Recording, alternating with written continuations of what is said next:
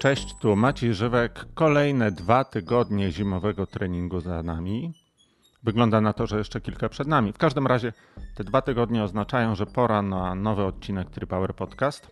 Dziś spotkamy się z Marcinem Nagórkiem i będzie to drugie spotkanie.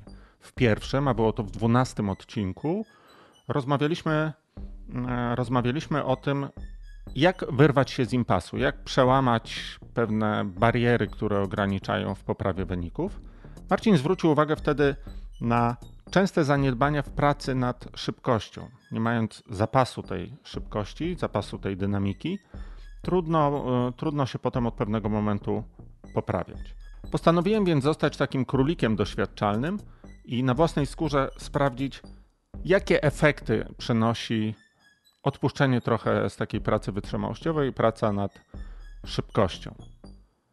Mm, jakbym opisał takie pierwsze rezultaty, no to tak obrazowo to tak jakbym wsadził nogę między framugę i drzwi z napisem szybciej. Mimo, że tych drzwi nie udało się sforsować, to nie dość, że nie udało się sforsować, to czasami mam takie wrażenie, jakby tam z drugiej strony były takie głosy, tam nie wpuszczaj go, w ogóle stary, zaczłapany, nie da sobie rady. Ale mimo wszystko mam takie wrażenie, że, że da się, że to jest możliwe i tak naprawdę, że to jest fajniejsze. Hmm. Czasem jest tak, że nawet jeżeli nie pójdą zawody jakieś, to, to czujesz, to, to, to masz takie wrażenie, że to za chwilę zaskoczy, że to jest tylko kwestia czasu, że to musi zagrać.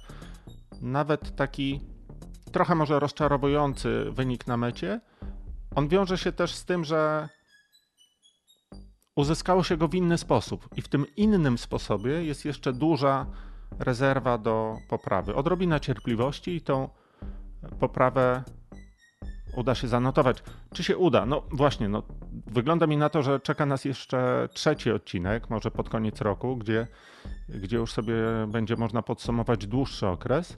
Tymczasem zapraszam Was na rozmowę podsumowującą kilka pierwszych miesięcy zmiany treningowej i moje wrażenia i komentarze Marcina do tego, co mi się wydawało.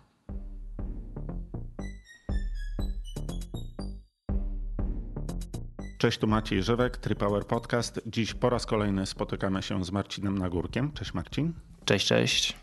E, Marcin, czy ty wiesz, jak ja będę chciał dać tytuł temu podcastowi? Nie wiem, ale już się boję.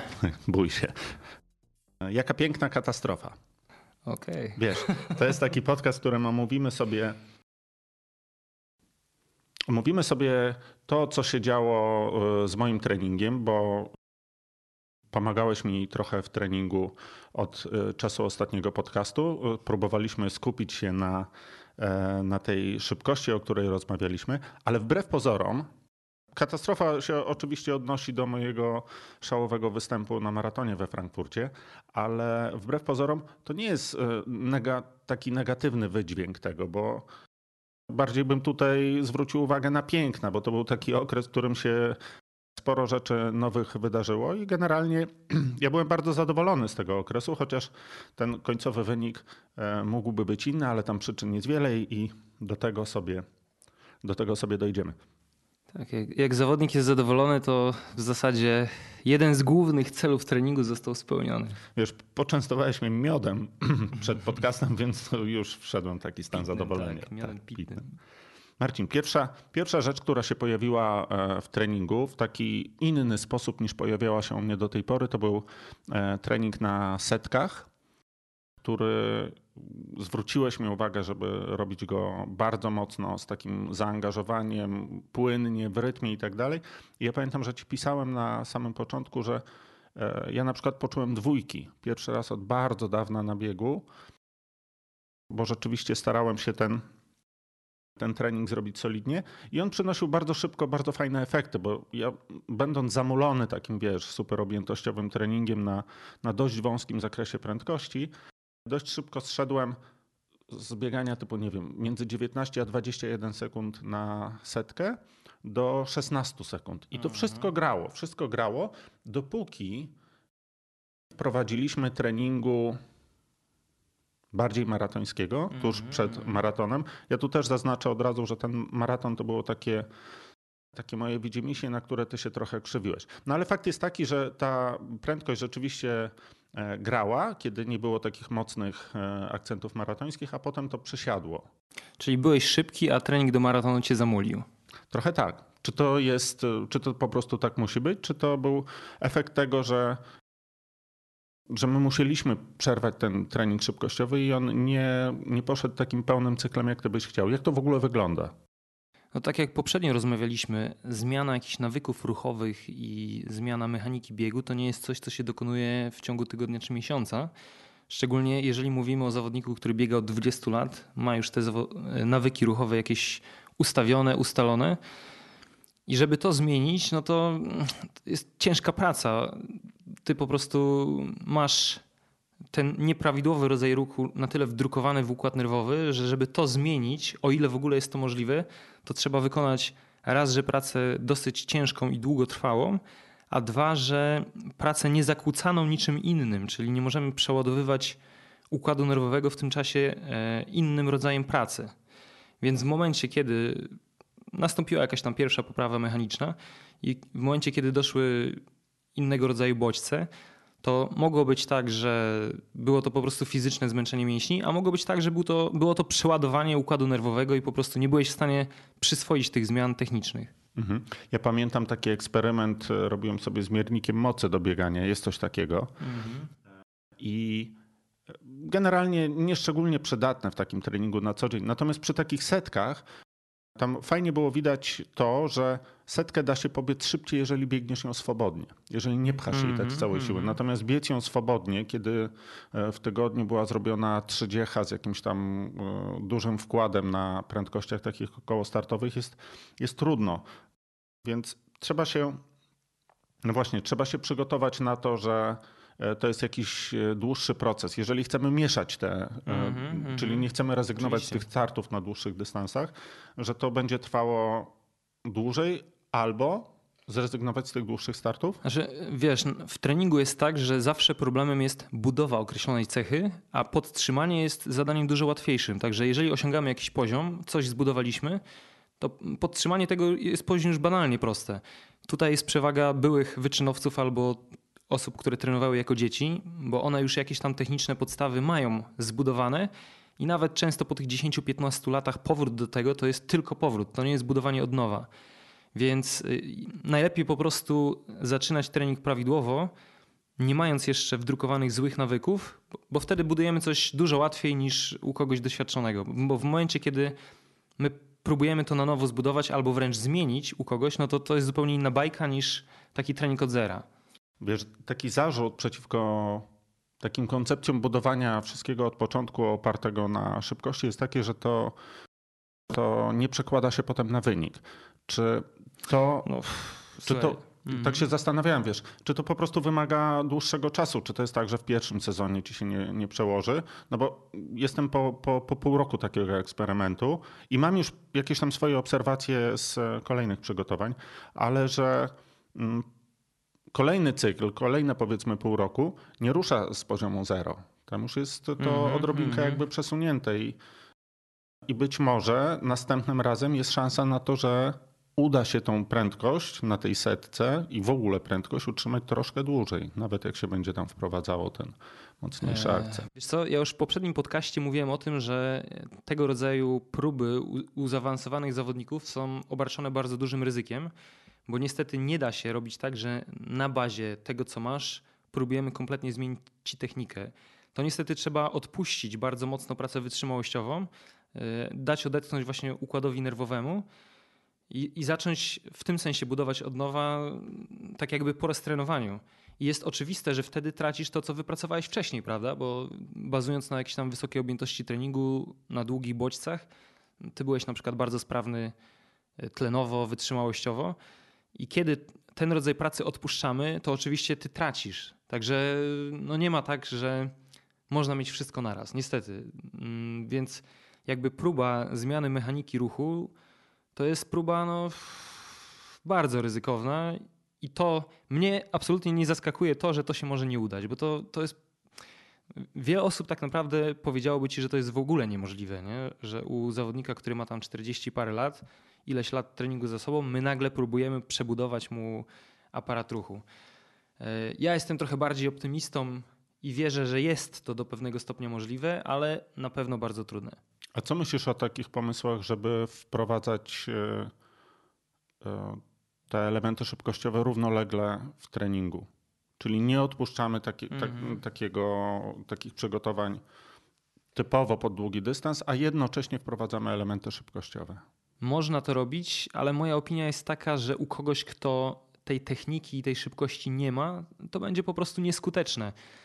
Z tego względu właśnie, że mm, po pierwsze jest to zmęczenie pewnych mięśni, więc w momencie, kiedy powiedzmy masz, tak powiem przykładowo i obrazowo, że kiedy masz zarąbane czworogłowce i masz na tych czworogłowcach pobiec jakąś ładną technicznie setkę, no to to jest po prostu niemożliwe. A nawet jak to zrobisz, to te mięśnie tylko się bardziej skasują i nie nauczysz organizmu niczego pozytywnego, tylko po prostu bardziej się dobijesz. Nie? To równie dobrze mógłbyś sobie założyć sztangę na głowę i e, po długim rozbieganiu zacząć skakać, e, wykonywać jakieś podskoki.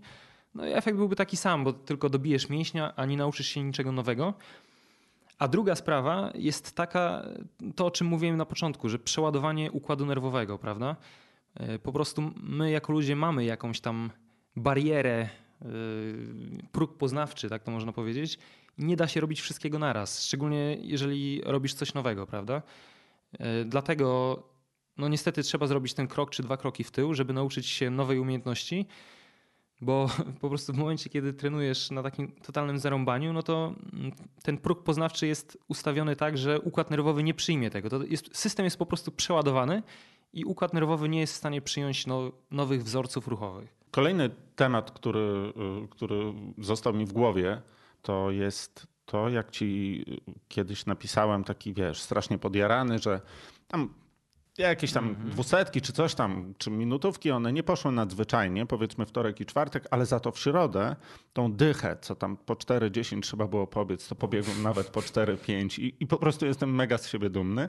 Po czym ty mi odpowiedziałeś, że z czego ja jestem w ogóle zadowolony, bo takie 4.05 to jest wolniej niż e, ja mam e, biec maraton, a zawaliłem dwa znacznie bardziej istotne treningi, które mają mnie czegoś tam uczyć i rozwijać. I to jest taki, wiesz, to jest taka, e, myślę, typowa przypadłość u nas e, szykujących się do dłuższych dystansów i to w triatlonie i w bieganiu, że my zwracamy właśnie największą uwagę na ten dłuższy trening w prędkości około startowej, natomiast tamte, a to jestem zmęczony, trzeba po prostu wyjść i zrobić. A to dopiero się dowiedziałem, że tak naprawdę tamte są ważniejsze. Czy to jest tak, że każdy trening ma swój cel, prawda? I rzeczywiście jest coś takiego, że zawodnik często czuje się zadowolony, że pobiegł bieg ciągły szybciej niż od założeń. I w związku z tym uważa, że zrobił super trening. Z mojego punktu widzenia trenerskiego jest to trening zawalony. Trening, który po prostu często nie ma sensu. Dlaczego? Z tego względu, że układając plan treningowy, zakładasz sobie, że każdy bodziec ma jakiś cel. To nie jest jakby zbiór przypadkowych elementów, prawda, które sobie układam w jakiś tam sposób. Tylko powiedzmy, jeżeli ten bieg ma być w równowadze kwasowej, to jeżeli pobiegniesz go za mocno i ta, ta poziom kwasu będzie zbyt wysoki, no to cel już nie został spełniony. Dwa, jeżeli ten bieg ma być, ja to nazywam półakcentem, czyli treningiem, który męczy cię niezbyt mięśniowo, to znowu, jeżeli pobiegłeś go za mocno, to to zmęczenie mięśniowe będzie zbyt duże i przeszkodzi ci w uzyskaniu efektu na kolejnym akcencie. Dlatego z mojego punktu widzenia ważne jest to, żeby po prostu e, po pierwsze, oczywiście trener musi wiedzieć, po co robimy dany akcent, ale również zawodnik musi wiedzieć, po co to robimy i musi mieć świadomość tego, że jeżeli pobiegnie za szybciej, to wcale nie zrobił lepszej pracy, a często o wiele gorszą. Mhm. Bo to, po prostu to jest system naczyń powiązanych, prawda? Że okej, okay, ja mógłbym przełknąć to, że ty biegasz trening, y, bieg ciągły za szybko. Mógłbym to przełknąć, gdyby cała reszta wychodziła idealnie, bo to znaczy, że nie doszacowałem jakoś twojej dyspozycji i tak naprawdę jesteś na tyle mocny, że ten ciągły po prostu mógł być szybszy. Ale w momencie, kiedy wiesz, zawalisz dwa z trzech treningów, a ten ciągły będzie za mocno, no to z mojego punktu widzenia zawalone są wszystkie trzy, prawda? Bo zawaliłeś i te dwa, i zawaliłeś ten ciągły, robiąc go za mocno, przez co zawalisz również kolejne. Tam też była ważna kwestia tego, żeby te treningi robić w określonej e, kolejności, no bo one z siebie wynikają. Ja też tam na początku sobie je troszkę przestawiałem, tak żeby dopasować to do swojego planu e, dnia. To też tam nie dostałem wielu ciepłych słów od ciebie za to. Natomiast co robić wtedy, jak wiesz, jak ci plan dnia nie pozwala na zrealizowanie tej kolejności? Wyrzucić ten trening, przesunąć cały cykl? Mhm. Co z tym robić? Wiesz co, no to y, powiem najpierw rzecz podstawową, że właśnie kolejność treningów ma znaczenie, bo w fizjologii ma na przykład znaczenie to, czy robisz siłę przed wytrzymałością, czy wytrzymałość przed siłą i tak dalej, i tak dalej. I na przykład bodajże Kanowa mówił o tym, że w jego planie treningowym ten efekt nakładających się treningów to było, nie pamiętam w tej chwili dokładnie ile procent, ale na pewno więcej niż 50. To może być nawet czasami tak wiele jak 80% efektu. Nie akcenty same w sobie, ale cały system akcentów i treningów nakładających się na siebie. I teraz co robić? No, jeżeli ktoś ma trenera, to najlepszą metodą jest po prostu skonsultować się z trenerem. Mhm. Na pewno nie warto przestawiać akcentów na własną rękę, z tego względu, że jakby oprócz tej kolejności liczy się, liczy się także na przykład ilość odpoczynku, czyli ma znaczenie to, czy przed danym akcentem masz dwa dni luźne, czy trzy dni luźne. I tak samo, czy po danym akcencie masz tam dwa dni luźne, czy trzy dni luźne. To wszystko ma znaczenie, jeżeli świadomie układamy plan. E, jeżeli nie ma możliwości skonsultowania się z trenerem, to zwykle zalecam przesunięcie po prostu całego cyklu. Czyli powiedzmy wtedy zawodnik robi ten dzień czy dwa wolne, do kolejnego cyklu wchodzi bardziej wypoczęty, co ma swoje wady, ma swoje zalety, ale jakby zachowuje tą kolejność akcentów i w tym sensie wykonuje dalej plan treningowy. Wspominaliśmy już o tym, że ja uparłem się trochę na, na ten maraton, bo to wiesz, zapłacone, bilet kupiony i tak dalej. No z perspektywy czasu to też się trochę śmieję z tego, ale e, człowiek się uczy całe życie, wiesz, i głupi umiera. Ale jak ty sobie radzisz z takimi e, mądrościami zawodników, takimi wiesz, wszystko tak, ale ja muszę zrobić jeszcze coś tam po drodze. Muszę gdzieś wystartować. Wiesz co, no ważne tu jest podejście psychiczne, bo ja w takim wypadku, tak jak i tobie, zależnie od zawodnika, mniej lub bardziej szczerze staram się przekazać mu, że no raczej mała szansa, że coś z tego będzie. Także że jest duże prawdopodobieństwo, że ten bieg będzie niewypałem, bo po prostu ten ktoś jest słabo przygotowany. Ale nie ma w tym żadnego problemu, jeżeli mamy zawodnika, który po prostu jest tego świadom, biega jakieś tam biegi dla przyjemności, ale po prostu jest świadom, że szczyt formy osiąga się powiedzmy trudno i rzadko, prawda? I ja sam tak startuję, że powiedzmy biorę udział tu w jakimś tam city trailu, tu w czymś tam. I ja po prostu wiem, że w tym biegu będę słaby, przybiegnę tam na miejscu piątym czy dziesiątym, ale mnie to w żaden sposób nie, nie, nie narusza to w żaden sposób mojej pewności siebie i pewności tego, że trenuję dobrze. Więc jeżeli zawodnik ma takie podejście, no to zwykle start nie jest problemem. Najgorzej jest, e, jeżeli mamy zawodnika, który swoją pewność siebie czerpie właśnie z powiedzmy wykręcania na treningu jakichś tam czasów i właśnie z tych startów kontrolnych, bo nie da się być w formie cały czas. I są tacy zawodnicy nawet na poziomie wyczynowym i to jest często koszmar dla trenera, że powiedzmy on ma 10 dobrych startów, ale jakoś to tam po nim spływa, nie widzi tego, że te 10 startów było dobry i wystarczy, że jeden trening wyjdzie słabo albo start i on nagle czuje się słaby, prawda? I psychicznie wszystko się u niego sypie. Więc to jest problemem. Czyli odpowiadając na pytanie, staram się wpływać przede wszystkim na mentalne podejście do startu. Jeżeli wiem, że start nie wyjdzie, no to mówię o tym zawodnikowi. A natomiast jeżeli jest tak, że zawodnik no, myśli sobie, że ok, nie jestem przygotowany, ale on to pewnie nie ma racji, na pewno to 2,50 to zrobię, no to mamy wtedy problem i ten problem trzeba jakoś rozwiązać. No, nie ma innego rozwiązania niż rozmowa szczera. Pamiętam pierwsze e, kilka tygodni, których e, zawsze jak coś tam mm, informowałem cię, co robiłem, to zawsze było przy tym jakaś wymówka. A to była jakaś impreza, a to tutaj byłem w pracy, a to coś tam.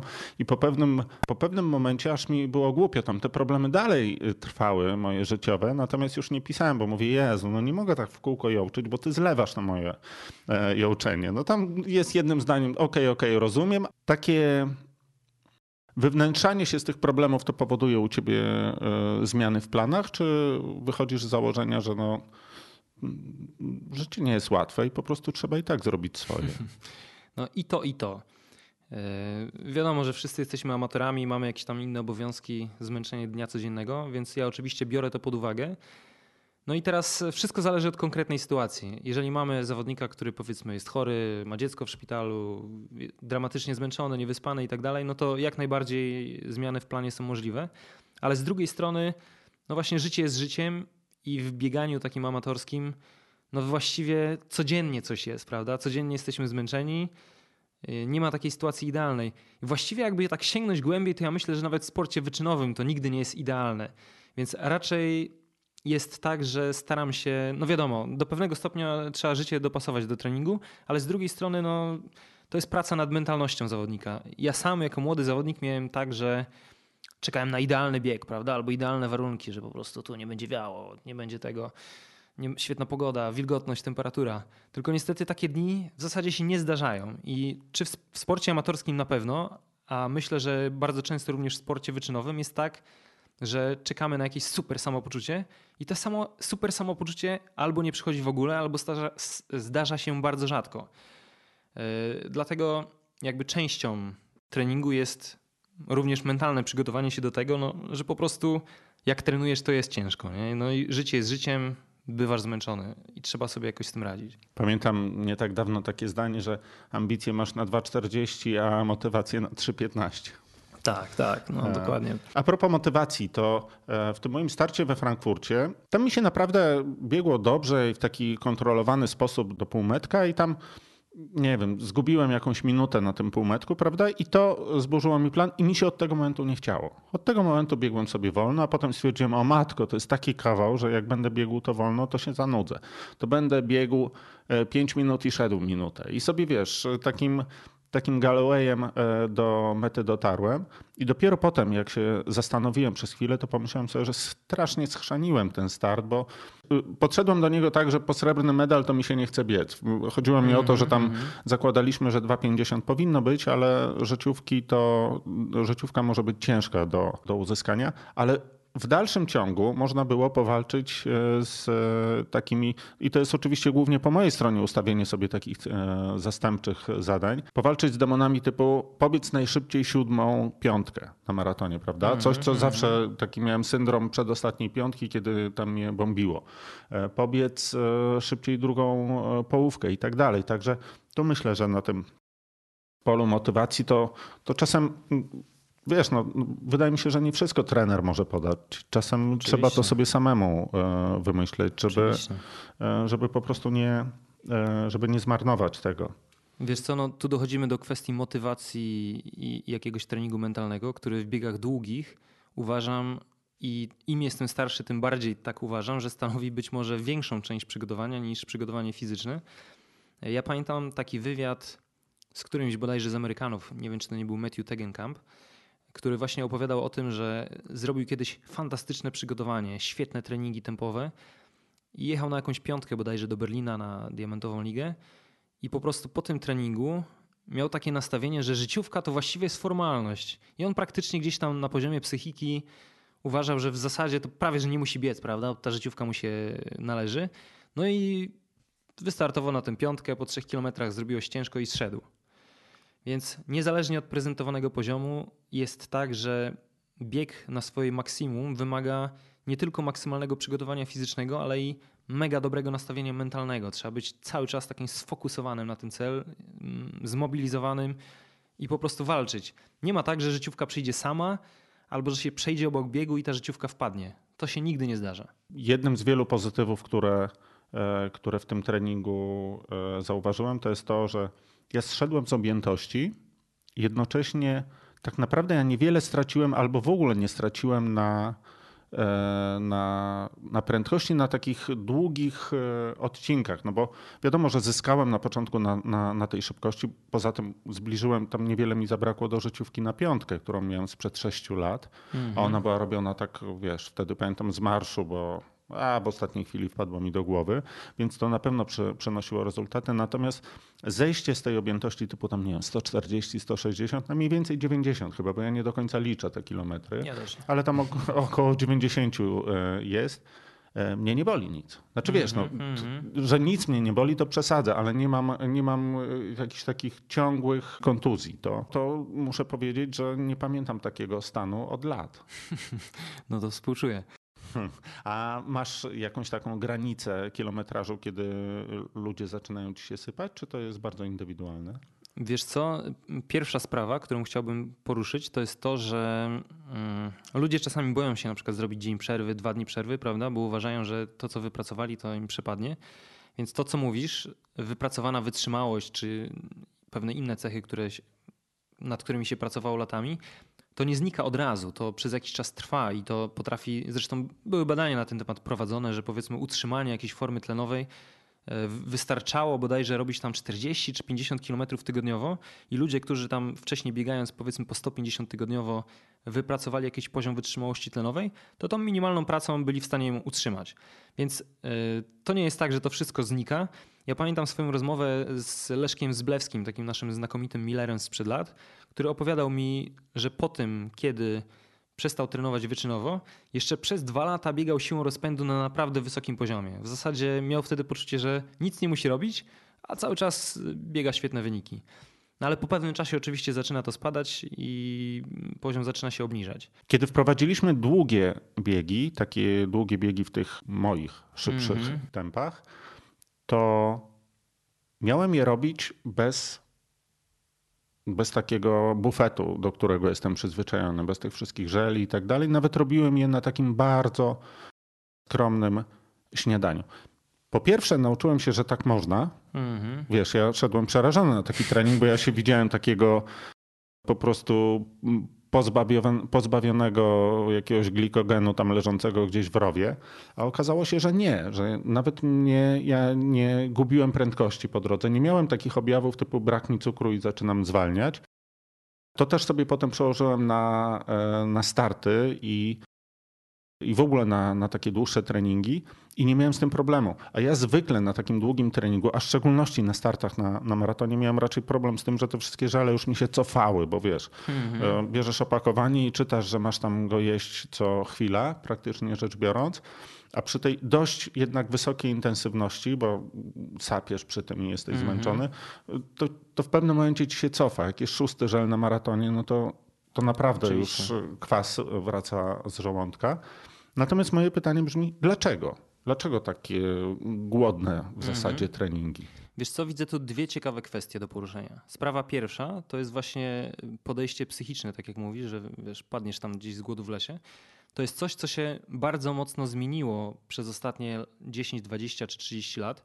Bo jeżeli spojrzeć w historię treningu i w historię biegania, to okaże się, że te 30 czy 40 lat temu wręcz nie zalecano jedzenia czy picia w czasie biegu, bo uważano, że to szkodzi, prawda? I moja taka drobna teoria spiskowa jest taka, że to, to producenci, producenci odżywek, żeli i tak dalej po prostu wmówili biegaczom, że muszą, bo bez tego to po prostu się nie da. Więc to jest pierwsza sprawa, kwestia mentalna. Bez odżywek się da. Myślisz, że Kenijczycy tam odżywki spożywają w czasie treningów czy długich biegów? Jestem pewien, że nie. Mhm. A sprawa druga, e, to dlaczego e, konkretnie na długim biegu miałeś zakaz spożywania żeli? Odpowiedź jest bardzo prosta. Mm, ja zadaję sobie pytanie, czemu ma służyć ten długi bieg? I w przygotowaniu maratońskim bardzo długi bieg trwający te dwie do trzech godzin, e, jego z jednym z głównych celów jest e, uszczuplenie zapasów glikogenu, po to, aby organizm nauczył się oszczędzać glikogen i nauczył się efektywniej spalać tłuszcze. Więc jeżeli celem treningu jest spalanie glikogenu, no to po jaką cholerę mamy ten glikogen w trakcie wysiłku podawać, prawda? To tylko ten efekt treningowy niszczymy. Wracam do domu, to mogę się od razu najeść, czy jeszcze tak, powinienem oczywiście. to przeciągnąć? Nie. To znaczy, no, pytanie jest bardzo ciekawe, bo gdzieś niedawno y, obiły mi się o uszy badania pokazujące, że rzeczywiście przedłużenie tego posiłku potreningowego zwiększa efekt treningowy, prawda? Bo tam jest, wiesz, wyrzut jakichś tam hormonów. Mhm. Y, więc Teoretycznie można by powiedzieć, że można spróbować trochę opóźnić ten posiłek, ale z drugiej strony, w momencie, jeżeli ten trening był naprawdę długi i mówimy przecież o dojeździe na trening, mówimy o powiedzmy, że tam dwie godziny przed, przed treningiem również nie jeść, nie jesz, wracasz w jakiś sposób z tego treningu, no to mimo wszystko ten czas bez posiłku jest spory. I wydaje mi się, że jakby dorzucanie sobie jeszcze takiego nawet mentalnego obciążenia, że jeszcze pół godziny nie jem, to po prostu może mieć jakieś negatywne skutki na dłuższą metę. Choćby takie, że tego treningu ci się po prostu odechce, bo będzie ci się kojarzyło z czymś nieprzyjemnym. Więc raczej staram się tu znaleźć złoty środek, że okej, E, w czasie treningu nie spożywam niczego dodatkowego, ale wracasz do domu, to jest ta nagroda za dobrze zrobiony trening, czyli sobie gdzieś tam wdrukowujesz, że zrobiłem dobrą pracę, prawda, że to jest coś pozytywnego. W trakcie tych długich treningów polecałeś mi też, żebym wszedł raczej w buty szybsze niż e, buty treningowe. Ja podobne, podobne pytanie zadawałem dwa tygodnie temu Tomkowi Kowalskiemu. No właśnie, i to są takie buty, które z jednej strony tam wydaje mi się, że w nich się po prostu lepiej trenuje. Znaczy, ten trening jest bardziej wartościowy, bo stopa lepiej pracuje, cały ten aparat ruchu bardziej pracuje i my w końcu na tym starcie też prawdopodobnie w takich butach się pojawimy. Z drugiej strony, tam było, wiesz, sporo kilometrów i to sporo kilometrów było jakościowych, bo był długi bieg, którym był e, taki dość duży moduł e, jakościowy, a on w ogóle był cały robiony w tych butach i jeszcze były wprowadzone ze dwa akcenty w tygodniu, więc kilometraż w tych butach szybkich dość duży. To Generalnie byś polecał takie, e, takie podejście, żeby przechodzić w te szybsze buty, czy mm, ostrożnie? Jak sam to robisz w ogóle? No, starałbym się znaleźć kompromis, prawda? Bo to buty to jest jedna kwestia, drugą kwestią jest nawierzchnia, po jakiej biegamy, trzecią kwestią jest waga zawodnika, czwartą kwestią jest powiedzmy siła i sprawność tego zawodnika. Więc starałbym się odnaleźć w tym kompromis, ale ideałem to jest tak naprawdę bieganie wszystkiego w butach bardzo lekkich i bardzo mało amortyzowanych.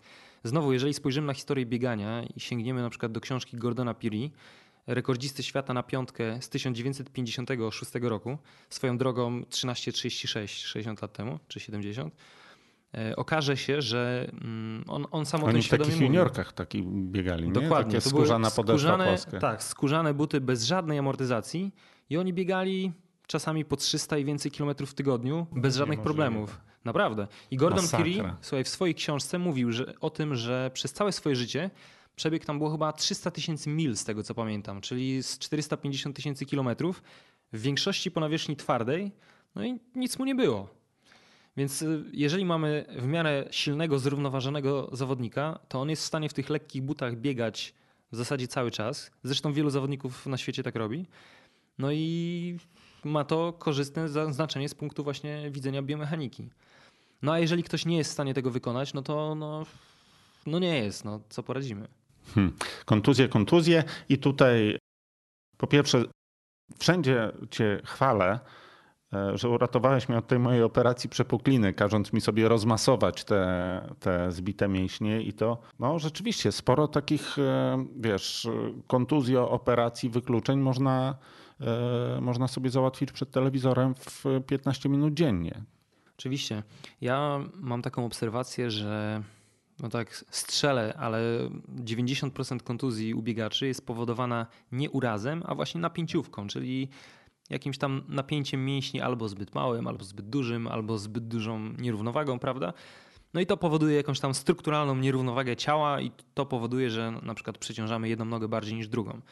I tego wszystkiego można by się pozbyć bardzo łatwo tak naprawdę i mm, ja sam u siebie czasami niestety żałuję, że na przykład od wieku dojrzewania, y, czyli od powiedzmy tam 14 roku życia, kiedy zacząłem mocno rosnąć, nie byłem po prostu pod opieką jakiegoś terapeuty manualnego, który by mnie rozmasował, ustawił i tak dalej. To by zmieniło wszystko, bo w momencie, kiedy właśnie w wieku dojrzewania przypilnujesz tych rzeczy, to wchodzisz w wiek dorosły bez tych obciążeń, bez właśnie nierówności, nierównowagi, nierównomiernych napięć, a z kolei w momencie, kiedy już to nabędziesz, to pozbycie się tego jest u dorosłego człowieka no, co najmniej diabelnie trudne. W bardzo podobnym kontekście wypowiadał się Dominik Omiotek dwa odcinki temu.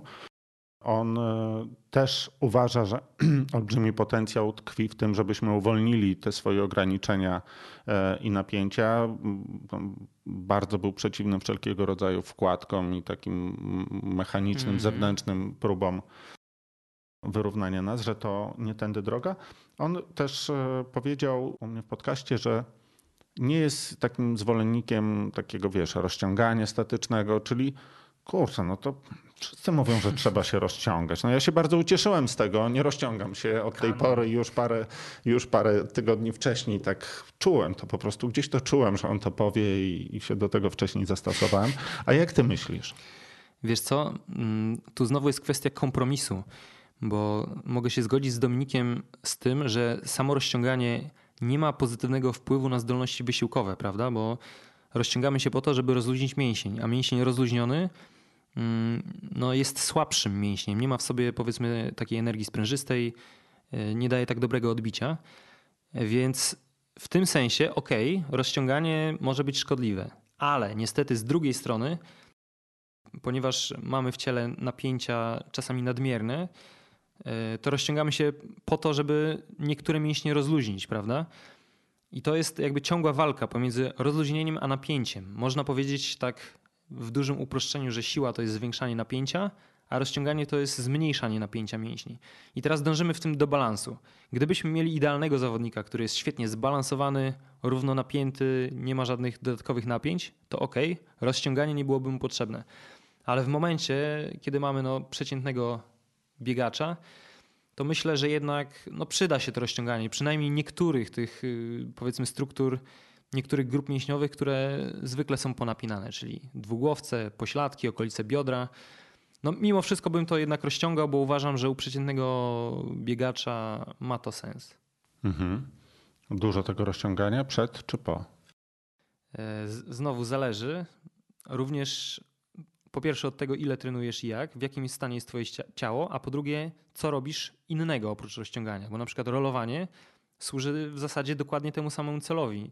E, czyli rozluźnieniu nadmiernych napięć mięśniowych. Oczywiście ma również inne cele, powiedzmy tam ruszenie powięzi i tak dalej, ale generalnie chodzi o to, żeby rozluźnić właśnie zbytnio napięte mięśnie. Więc jeżeli ktoś się na przykład dużo roluje, no to nie potrzebuje aż takiej dużej ilości rozciągania. Tak samo ktoś, kto e, ma naturalnie jest rozluźniony, prawda? Albo powiedzmy, no nie wiem, chodzi na basen czy do sauny. Natomiast jeżeli ktoś nie robi nic, no to siłą rzeczy powinien się rozciągać dużo więcej niż ten, kto no, podejmuje inne zabiegi. Na przykład tak popularne teraz igłowanie, prawda? Czyli wbijanie igły w mięsień też ma na celu rozluźnienie To się samemu robi, mięśnia. czy to ktoś to robi? No raczej bym polecał fizjoterapeutę. Myślę, że teoretycznie można Nie, zrobić bo powiedziałeś popularny, już się po prostu widzę, że są w sklepach jakieś zestaw igieł i wiesz, i, i sam się tak. ładuje. No słuchaj, jeżeli ktoś ma taką psychę, żeby wbić sobie w mięsień igłę samemu, no to może i można robić to samemu, ale ja nie mam takiej psychy. Mam pytanie od e, słuchacza, znajomego swojego Odarka, który hmm, chciałby powiedz w maratonie, triatlonowym maratonie, czyli na lekko zmęczonych nogach, hmm, 4,30 zamiast 4,40. No i słuchał, słuchał naszego poprzedniego podcastu i on mówi, że nie do końca jest przekonany, czy powinien pójść tą drogą szybkości, e, budowania sobie lepszej, e, lepszej szybkości, czy powinien to robić siłą, bo e, bardzo podobny efekt, czyli urwanie tych 10 sekund w ostatnim roku uzyskał, robiąc praktycznie tylko podbiegi, natomiast nie tykając się żadnej, e, żadnej szybkości. Czy to są równoległe drogi? Czy można zastąpić e, biegane szybko setki podbiegami? Mówię w jakimś tam pewnym mm, uproszczeniu, mm. ale, ale wiesz, wiesz o co mi chodzi.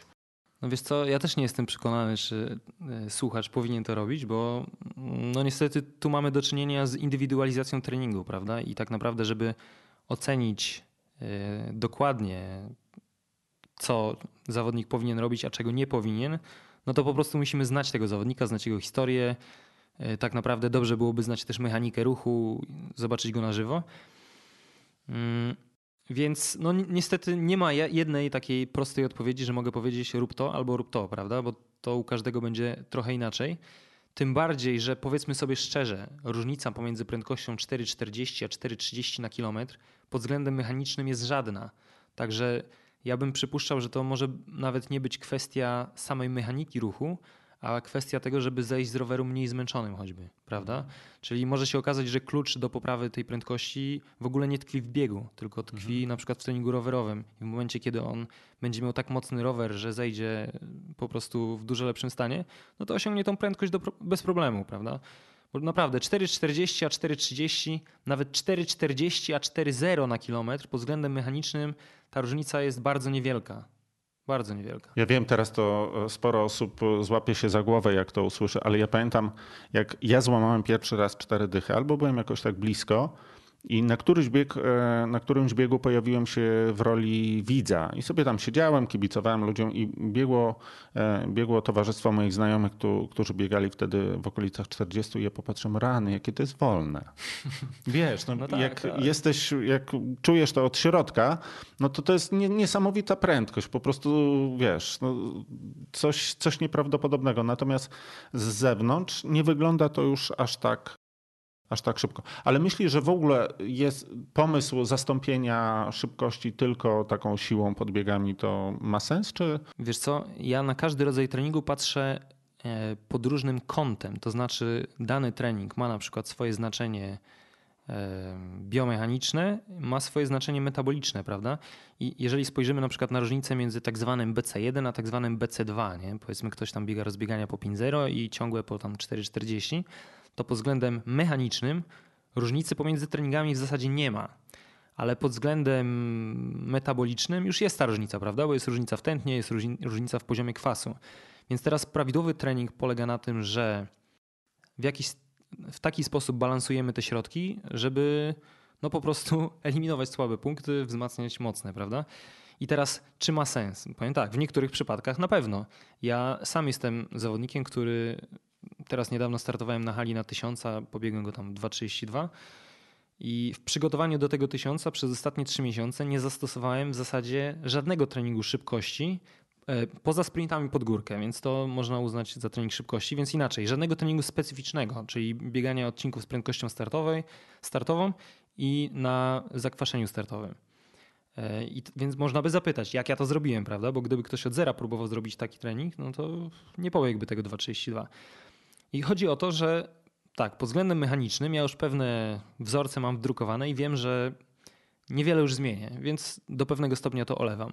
Pod względem kwasowym, no od 18 czy 19 lat startuję, więc y, sezon halowy, sezon letni, więc to też w organizmie zostaje. I teraz pracując nad zupełnie innymi cechami, y, poprawiam coś, co w danym momencie było słabsze, a to, co miałem mocne, nadal pozostaje mocne. Więc to jest kwestia po prostu balansu i zobaczenia, ocenienia u danego zawodnika, na co można sobie pozwolić, prawda? Bo może mogłoby być tak, gdybym był innego typu zawodnikiem, że w momencie, kiedy ja przez miesiąc nie robię szybkości, to ta szybkość mi dramatycznie spada. No ale to już jest kwestia osobnicza po prostu, więc no, trzeba próbować różnych wariantów. Wiadomo, doświadczenie tu pomaga, są pewne typy zawodników i powiedzmy część można na oko ocenić, no ale nawet doświadczony trener może być zaskoczony tym, jak dany zawodnik reaguje. Na jaki rodzaj treningu? A zadam ci pytanie teraz, które może być y, szokujące. Po co się robi siłę? hmm. E, ja bym siłę podzielił na dwie części. E, mamy tak jak wcześniej powiedziałem, że siła to jest napięcie, prawda? Czyli zwiększanie napięcia mięśni. Ale mamy siłę, którą można nazwać siłą specyficzną, czyli atakującą te mięśnie, które aktywnie pracują w czasie naszego wysiłku, czyli powiedzmy biegu. I siłę niespecyficzną, czyli atakującą te mięśnie, które są trochę zaniedbane. I tak w przypadku biegacza, na przykład, y, jeżeli chcemy trenować na nogi, powiedzmy jakieś tam wzmacniać czołorogowce na przysiadach, to do pewnego stopnia jest to siła specyficzna, z tego względu, że atakuje te mięśnie, które są aktywne w czasie naszego wysiłku. Natomiast jeżeli będziemy robili jakieś tam pakowanie na klatkę i na bicepsa, no to jest to siła niespecyficzna właśnie w tym względzie, że to są mięśnie, które powiedzmy bezpośrednio nie mają wielkiego wpływu na prędkość biegu. Więc teraz tak, po co robimy siłę niespecyficzną? Otóż po to, żeby podtrzymać napięcie mięśni w tych mięśniach, które w czasie wysiłku są mniej aktywne. Bo jeżeli tego nie zrobimy, to z czasem zacznie narastać strukturalna nierównowaga, czyli te pracujące mięśnie będą się stawały coraz bardziej spięte i coraz bardziej silne, a z kolei te mniej pracujące będą się robiły coraz słabsze. Więc tą siłę niespecyficzną, ogólnie mówiąc siłownie, czy te core stability bardzo popularne, robimy głównie po to, żeby podtrzymać równowagę w ciele. E, I teraz rozwijając tę myśl, to oznacza, że tak naprawdę to, co konkretnie zrobimy, jest trochę sprawą drugorzędną na tej sile niespecyficznej, z tego względu, że czy potrenujemy na siłowni na większych obciążeniach, czy na mniejszych, no to efekt będzie bardzo podobny. A z punktu widzenia wyniku on nie ma wielkiego znaczenia. Natomiast ta siła na specyficzne grupę mięśni pracujących w czasie wysiłku, no to już jest zagadnienie dużo trudniejsze, bo tutaj jest tak, że mm, u niektórych zawodników ta siła może zaszkodzić. I wracając do pytania, po co robimy siłę i teraz zawężę ją do specyficznej. Między innymi po to, żeby zwiększyć aktywność mięśni, czyli zwiększyć pulę włókien biorących udział w wysiłku, bo mamy tak, że w czasie wysiłku wytrzymałościowego duża pula włókien w mięśniu jest nieaktywna, jest nauczona pracy po prostu i ona to są te zwykle te włókna, które wraz z wiekiem zanikają. Więc im się jest starszym, tym jest to ważniejsze, żeby podtrzymywać te mniej aktywne włókna e, w pracy. I to robimy na ogół właśnie albo treningiem szybkościowym, albo treningiem siłowym. Z tego względu, że one robią się aktywne właśnie dopiero wtedy, kiedy jest duże zapotrzebowanie na moc. E, drugim mm, ważnym elementem siły jest coś, co nazwałbym koordyna koordynacją nerwowo-ruchową, czyli jakby uczymy, uczymy mięśnie pracy skoordynowanej, masło maślane, prawda? E, czyli chodzi o to, że jedne mięśnie się napinają, drugie mięśnie się rozluźniają i mm, za każdym razem, gdy zmieniamy trochę wzorzec ruchu albo gdy włączamy do pracy nowe włókna, no to ta praca się troszeczkę różni i musimy po prostu niejako od nowa uczyć organizm. Można powiedzieć, że to u ciebie robimy, prawda? Pracując mhm. właśnie nad zmianą mechaniki ruchu. Więc robimy po części siłę i również szybkość po to, żeby no, uczyć organizm odpowiedniego napinania i rozluźniania określonych grup mięśniowych i angażowania ich do wysiłku. Czyli można powiedzieć, że e, celem, cel siły jest mechaniczny w dużej względzie. To nie jest tak, że my coś zmieniamy biochemię komórki na przykład, nie? tylko raczej dążymy do jakiejś zmiany mechaniki samej ruchu. Mhm. A ja dostaję taki, dostałem taki trening, taką kobyłę typu 20 razy 300. E, to rzadko się spotyka chyba taki mocny bodziec, przynajmniej wśród moich znajomych. 6 kilometrów pod górę naprawdę rzadko się zdarza. Dlaczego taka czy to jest mocne, czy to jest niemocne i dlaczego? No, zacznijmy od tego. Czym ja no, sobie zasłużyłem? Tak, sobie zacznijmy od tego, że to wcale nie jest mocny trening. Ja jestem świeżo po książce Boba Szula, mistrza olimpijskiego z 1964 roku, na piątkę, który trenował w systemie Igloi, Węgra znanego z tego, że rozpisywał swoim zawodnikom tylko interwały. I to głównie na setkach i do dwusetek. Mhm. Bo w ten sposób też można skutecznie trenować. I oni biegali, słuchaj, 13 interwałów w tygodniu, dwa razy dziennie, rano i wieczorem. Mm, I czasami do 2,5 godziny interwału. Więc jeżeli weźmiesz, porównasz do tego te swoje skromne 20 razy 300, to okaże się, że nie robisz prawie nic, prawda? Ale w tym konkretnym mm, przypadku y, ja rozpisuję te podbiegi po to, że, żeby jakby uzyskać naraz kilka korzyści. Bo po pierwsze jest to element treningu interwałowego, który ma e, swoje ogromne zalety, jeżeli chodzi o poprawę wytrzymałości. Pozwala właśnie bardziej zwiększyć zaangażowanie mięśni, powiedzmy mm, bardziej pracujemy nad wytrzymałością z tego względu, no bardziej angażujemy serce, układ krążenia, cały układ naczyniowy, więc robimy interwał. A dlaczego pod górkę? E, dlatego, Odpowiedź jest kilka. Dlatego, że na górce mamy zwiększony komponent siłowy, czyli w bardzo łatwy sposób y, możemy właśnie zwiększyć pulę włókien aktywnych w wysiłku. Y, nie potrzeba do tego jakiegoś specjalnego ciśnienia. Górka na nas na to, na to wymusza. To na nas y, działa w ten sposób siła grawitacji. Czyli równocześnie wykonuje interwał, który jest treningiem tlenowym. To nie jest trening beztlenowy wbrew mm, jakby konwencjonalnemu myśleniu i równocześnie dorzucam komponent siłowy w postaci nieco większego zaangażowania włókien.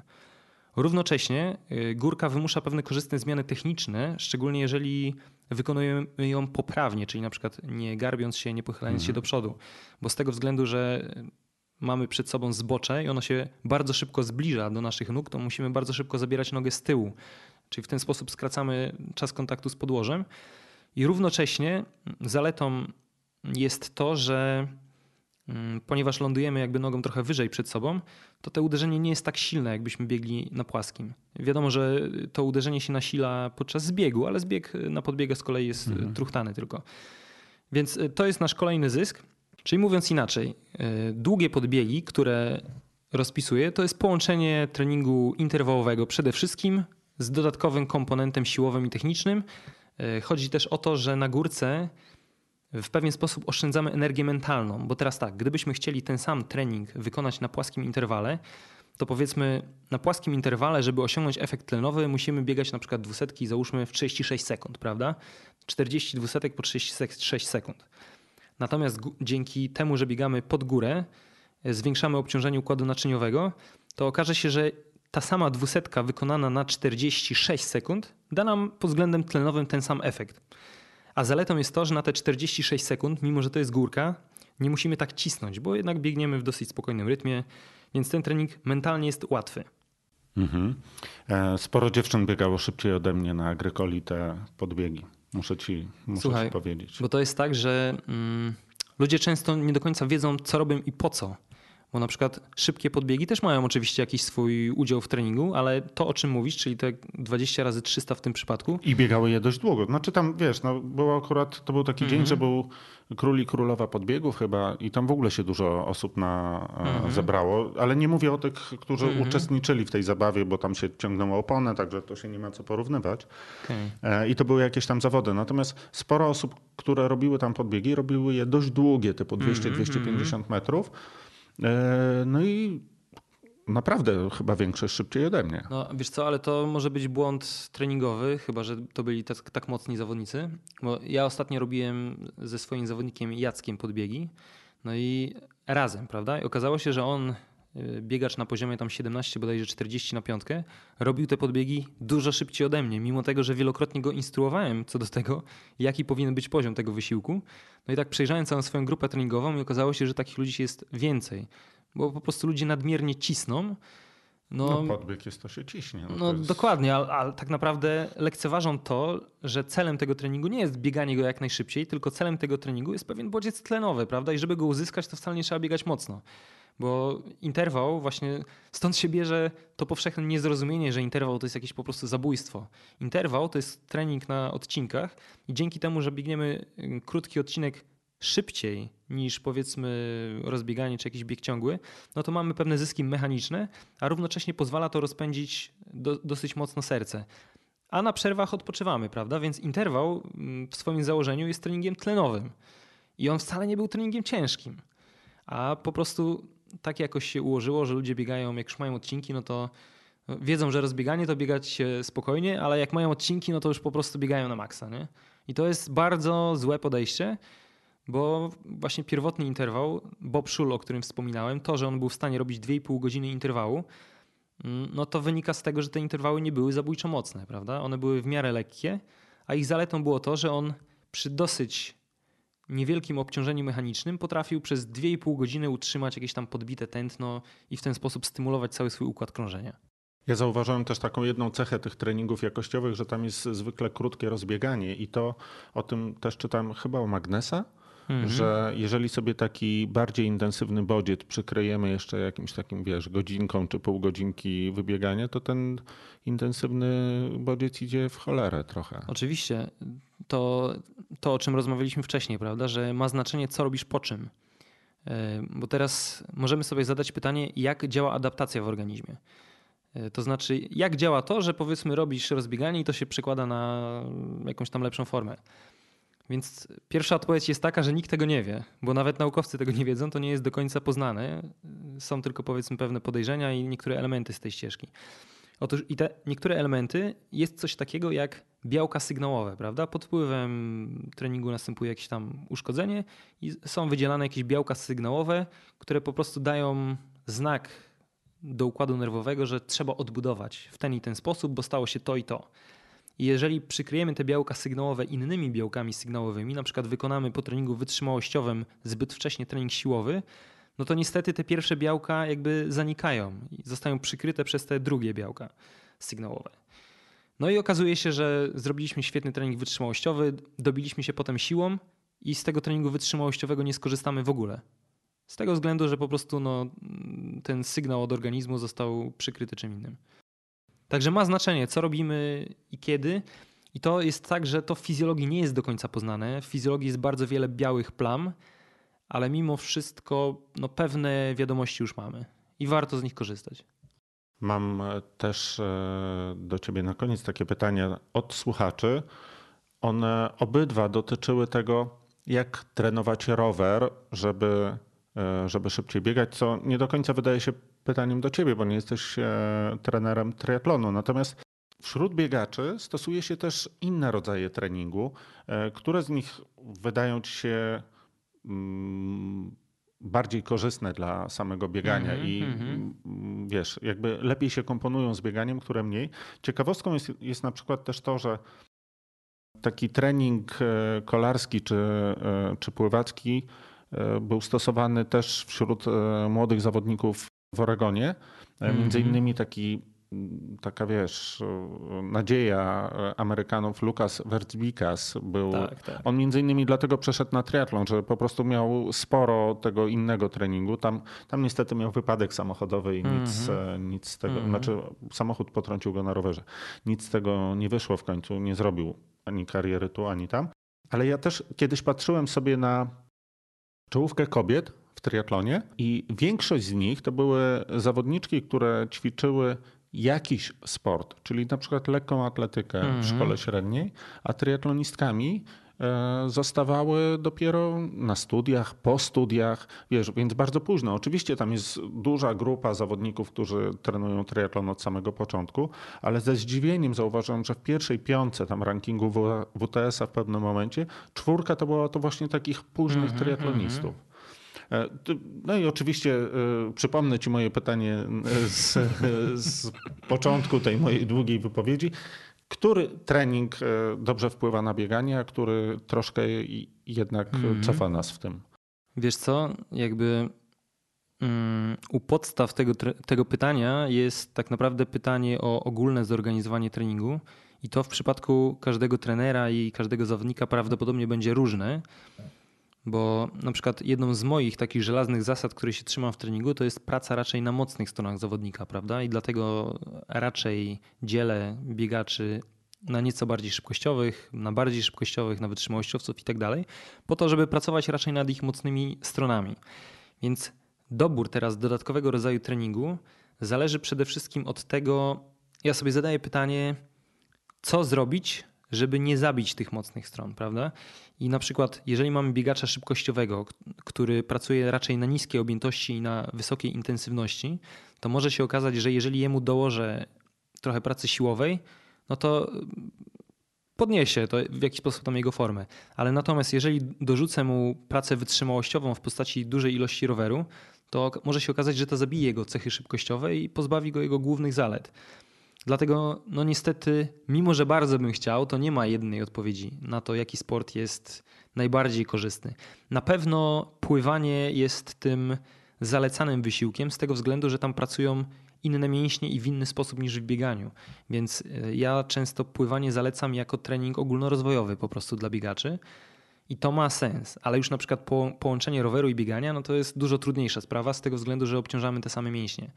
I teraz jaki balans będzie w danym planie treningowym u danego zawodnika, no to już jest niestety kwestia całej filozofii treningu, więc pytasz mnie o coś, na co się nie da po prostu odpowiedzieć w krótkiej wypowiedzi. Mhm. A myślisz, że zastąpienie wybiegania rowerem to jest dobry pomysł?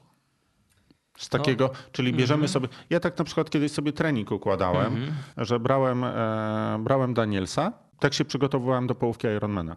Brałem Danielsa, trening biegowy, brałem sobie pierwszy trening jakościowy z Danielsa z połówki, natomiast trening kolarski to był drugi trening jakościowy z przygotowań maratońskich w Danielsie, mm -hmm, bo tam mm -hmm. trzeba po prostu wydłużyć, bo to jest trochę inna intensywność, trzeba wziąć e, dłuższy trening i tak sobie to sklecałem, a tam to, co miało być e, luźne robione, to, to sobie po prostu dokładałem mm -hmm. w miarę możliwości i dostępności czasu. Zwykle starając się, jak na przykład byłem już bardzo zmęczony, to zastąpić e, bieganie e, jazdą na rowerze, mm -hmm, bo ona mnie mm -hmm. po mhm. prostu mniej przeciążała. Czy to podobne efekty są? No, e, tak naprawdę na końcu swojej wypowiedzi dotknąłeś istoty. Ja decydując o tym, czy to ma sens, czy nie, zastanawiam się, co dany trening mi daje, a co mi odbiera, prawda? Więc jeżeli mamy rozbieganie, no to wiadomo, mamy tutaj pewne pobudzenie układu naczyniowego, ale równocześnie mamy też duże przeciążenie układu mięśniowego no w postaci uderzenia podłoża, czyli można powiedzieć, że jest to efekt siłowy. Na rowerze pozostaje nam ten efekt wytrzymałościowy na układ naczyniowy. Nawet można go znacznie przedłużyć, bo efekt y, mięśniowy nam odpada. Więc teraz zadaję sobie pytanie, czy u danego zawodnika jego słabością jest na przykład wytrzymałość ogólna, bo jeżeli tak, to mogę mu albo dać więcej biegania, ale to z kolei niesie za sobą ryzyko kontuzji i jakby mechanicznego przeciążenia mięśni, a mogę mu rzeczywiście dać rower. Więc w takim przypadku, jeżeli mam kogoś słabego wytrzymałościowo, u kogo po prostu jakby chcę zwiększyć czas wysiłku po to, aby pobudzać układ naczyniowy, ma to sens. Ale jeżeli mam kogoś, u którego słabością jest raczej układ mięśniowy, prawda, czyli on na przykład jest bardzo mocny wytrzymałościowo, no ale jest słaby siłowo, bo po prostu jakiś tam dystans na nogach mm, no męczy go. No to może się okazać, że ten rower no nie przyniesie mu prawie żadnego efektu pozytywnego, prawda? Bo on już był wytrzymały, więc jakby dorzucenie mu większej ilości wytrzymałości niewiele zmieni.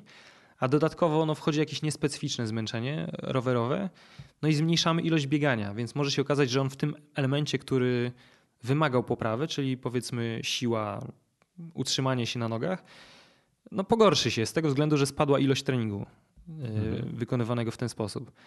Dlatego znowu odpowiedź nie jest jednoznaczna, tylko zadajemy sobie pytanie, co zyskamy, co stracimy. W niektórych przypadkach będzie to miało jak najbardziej sens i to duży, no a w innych przypadkach niestety nie. No, życie nie jest proste. Marcin, tak. bardzo dziękuję. Tomek Kowalski pytał mnie o postanowienia noworoczne i powiedziałem mu, że zrobię życiówkę na bieganiu na każdym dystansie w tym roku. No nieźle. Powiedz to swojemu trenerowi. Nic mu nie będę mówił. Dzięki. Dzięki.